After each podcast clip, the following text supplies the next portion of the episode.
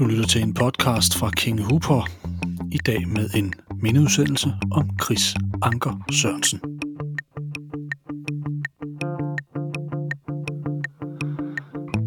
En af de mest elskede danske atleter gik bort den 18. september 2021 i Belgien forud for VM i landevejscykling.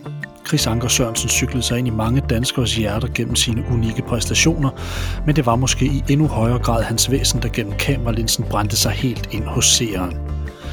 En cykelhelt, far, ven, mand, bror, søn samt meget mere forsvandt for blot få måneder siden, men efterlod et så uudsletteligt positivt indtryk, at han for evigt vil stå som et eksempel, vi alle kan stræbe efter at tilnærme os.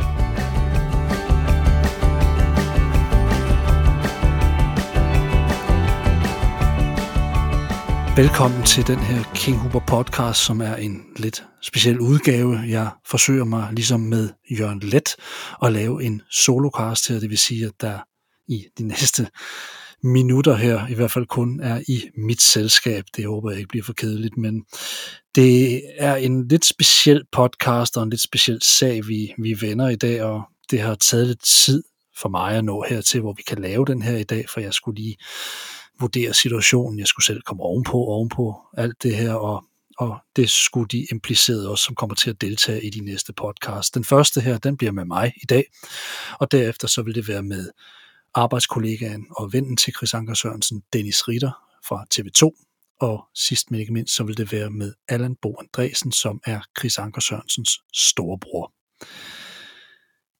Podcasten her i dag bliver skruet sammen på en måde, vi vil tale lidt om kris, men vi vil også tale lidt om, hvad det er, der sker med os, når nogle af vores helte, øh, sportshelte, forsvinder fra os, øh, går bort, uden at vi egentlig var, var klar på det. Vi havde en episode øh, sidste sommer under et, et EM i fodbold, hvor vi fik et nationalt chok ved en nærdødsoplevelse med Christian Eriksen, og desværre øh, måtte vi så senere se det blive til virkelighed, hvor vi så mistede Chris Anker Sørensen.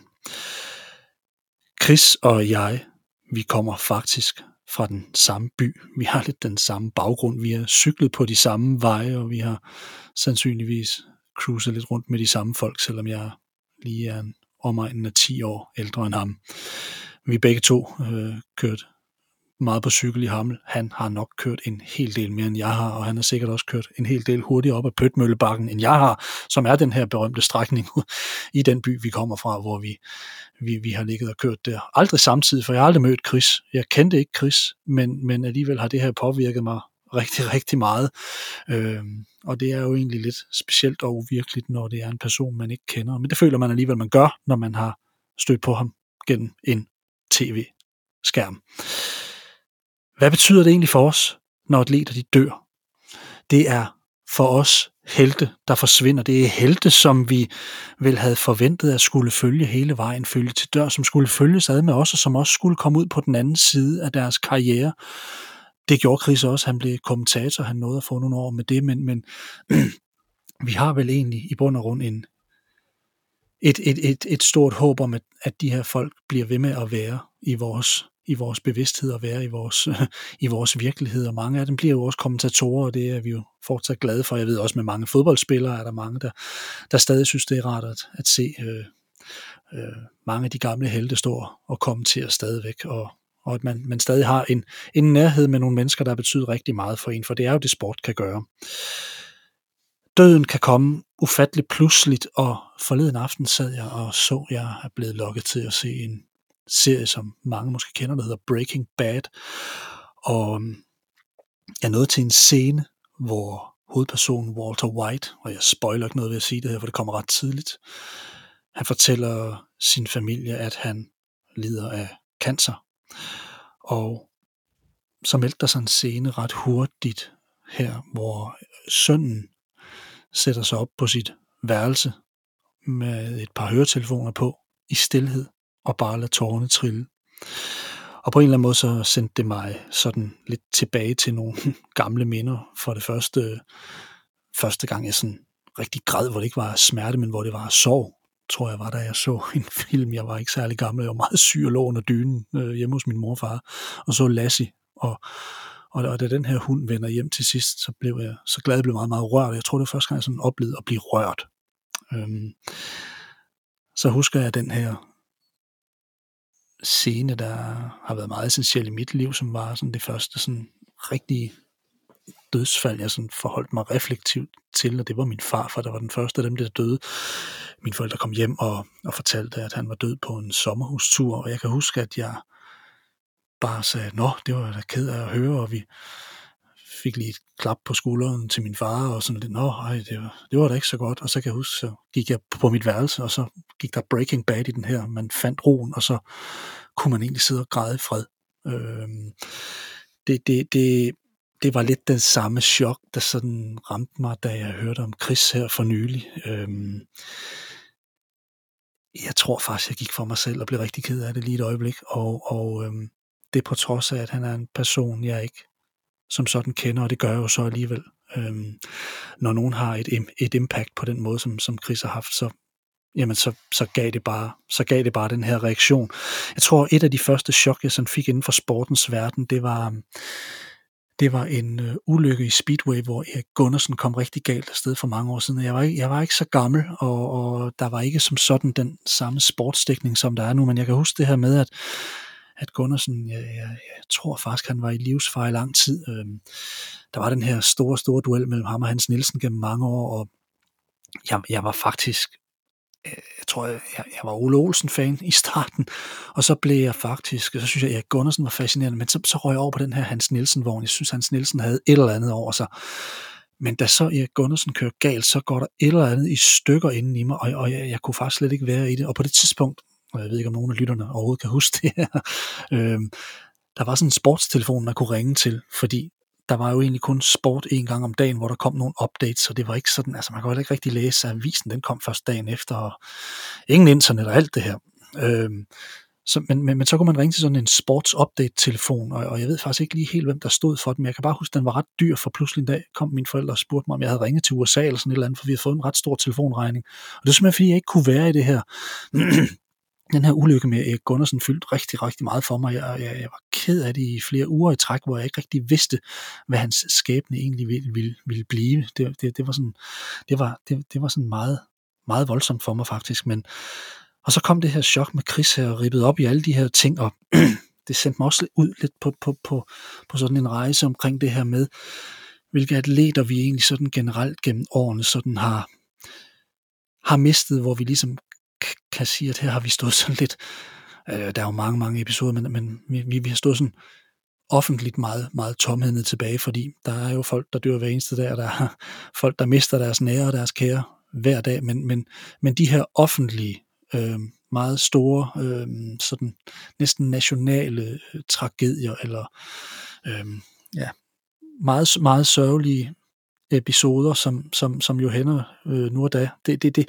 det fylder jo meget i en national bevidsthed, og jeg, jeg har siddet og kigget lidt på, hvad vi sådan har været igennem her igennem årene, og, og har lavet et lille udpluk, og der vil helt sikkert mangle rigtig meget, men, men noget af det, som jeg sådan stødte på, var for eksempel øh, hele Zambias fodboldlandshold, der i 1993 øh, via et flystyrt øh, forsvinder. Vi har den, den den israelske OL-trup ved, ved OL i München i 72, hvor, hvor, hvor alle ender med at blive dræbt ude i, i lufthavnen i et stort gisseldrama.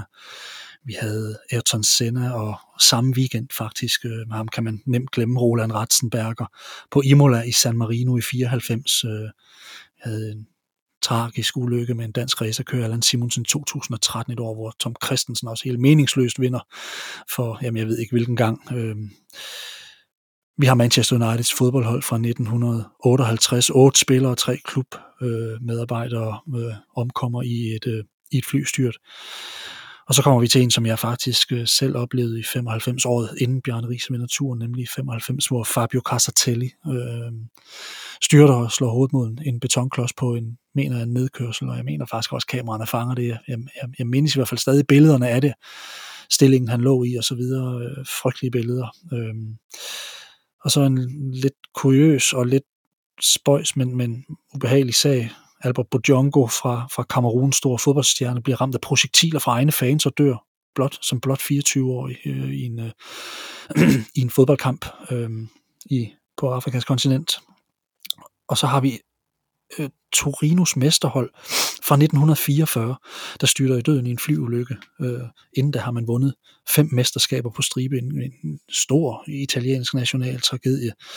Vi har Lou Gehrig, seks, seks øh, World Series titler med New York Yankees, øh, får en aggressiv form for slerose og, og dør i en alder af 37 år, har så nu faktisk lagt øh, navn til, til den her sygdom. Lou Gehrig disease hedder den faktisk i, i USA.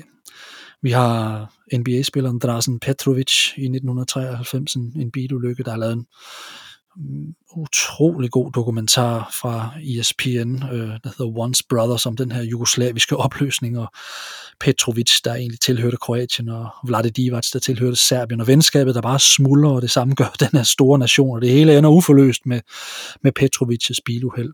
Øhm, vi har også øh, noget, vi faktisk har beskæftiget os med i en af vores podcasts, hvis I går til den med Carsten Nielsen om, om faren Flemming Nielsen, der spillede i Atalanta i Bergamo, men også fra det danske OL-landshold i, øh, i 1960.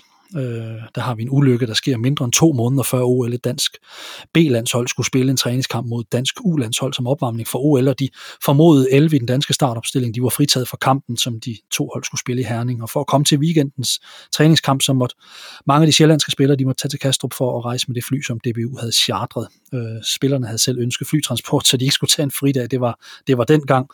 Og øh, otte danske spillere omkommer faktisk øh, i vandet, og mange af dem lider faktisk drukne døden. Vi har Kobe Bryant med helikopterflystyrtet i bjergene ved Los Angeles 26. januar 2020, også en stort amerikansk national chok, og også for mange basketfans. Og så har vi jo så altså desværre vores egen Chris Anker Sørensen 18. september 2021 i Belgien. En, øh, en frygtelig dag. Og som sagt, så må vi også komme ind på det her med en nærdødsoplevelse, som, som Christian Eriksen også, også står, står klart, og selve rammesætningen var jo også af stor betydning for, for oplevelsens karakter her. Altså vi var jo, vi var jo nærmest deciderede vidner til, til, til, til, Eriksens, øh, til Eriksens uheld her, og, og vidste ikke, om vi var, vi var på, på vej mod, mod noget, noget fuldstændig ultimativt tragisk, eller, eller hvad det var, vi, vi var på vej til. Det endte heldigvis godt for, for Christian, som også er tilbage igen nu. Men som Allan, Chris' storebror, fortalte mig under den podcast, som vi kommer til at sende om et par uger. Chris han var en, en ener, sympatisk og med stor og alligevel underspillet humor. Øhm, I min optik, der forstod han at få sin, sin fødeby på, på landkortet, og samtidig så navigere i, i de her journalistspørgsmål på en måde, hvor vi alle sammen sådan glæder os til, at måske netop han fik mikrofonen stukket i ansigtet. Noget af det første, jeg kan huske, det var jo det her med min far, der sagde, at øh, jeg har undervist ham her, han, han er, så, så fulgte jeg ham lidt, og, og han havde jo mange spøjse, havde mange spøjse kommentarer, og begyndte at, at tale om ting fra Hammel, som grillen, eller værtshuset Marsk Sti, og, og, og, og så videre, begyndte at nævne sådan nogle ting på national tv midt under en Tour de France, altså lige efter en Tour de France-etappe, hvor han stod og, og, og underholdt med nogle af de her ting, og ja, men, han var en speciel personlighed, og, og, og Chris bortgang ramte mig personligt enormt hårdt, på trods af, at jeg ikke sådan rigtig kendte ham, og det, det er, på, altså det er i min optik tegn på sådan et ret voldsomt impact som person, at man på afstand kan tage et andet menneske ind på den måde og, og, og blive, ja, hvad skal man sige, øh, rullet ind i det her tæppe af følelser omkring sådan en person, som man som man jo ikke har været nær på nogen måde. Men de to næste podcasts her, de tager os med ind bag mennesket Chris Anker Sørensen. Vennen og kollegaen Dennis Ritter, han bidrager, og det samme gør storbror Allan Bo Andresen. Begge har de valgt at stille op til trods for en stor personlig sorg, men som begge pointerer, historierne om Chris, de skal fortsat fortælles uanset hvor svært det er. Så jeg håber, at I vil se frem til et par samtaler om et rigtig godt menneske, et menneske, som alle holdt af, og som alle fortsat savner. Vi kommer til at gå tæt på ham og hans personlighed og nogle af alle hans kvaliteter her de næste to udsendelser. Der er i forbindelse med Chris Anker Sørensens bortgang lavet en støtteside, hvor man kan købe en t-shirt og støtte familien og samtidig få et minde om en unik personlighed. Du kan gå ind på hjemmesiden chrisanker.dk og læse nærmere om dette. Podcasten her var produceret af Carsten Pedersen. Mit navn er Steffen Pedersen. Tak fordi I lyttede med, og så håber jeg, at I lyttes ved til de to næste podcasts.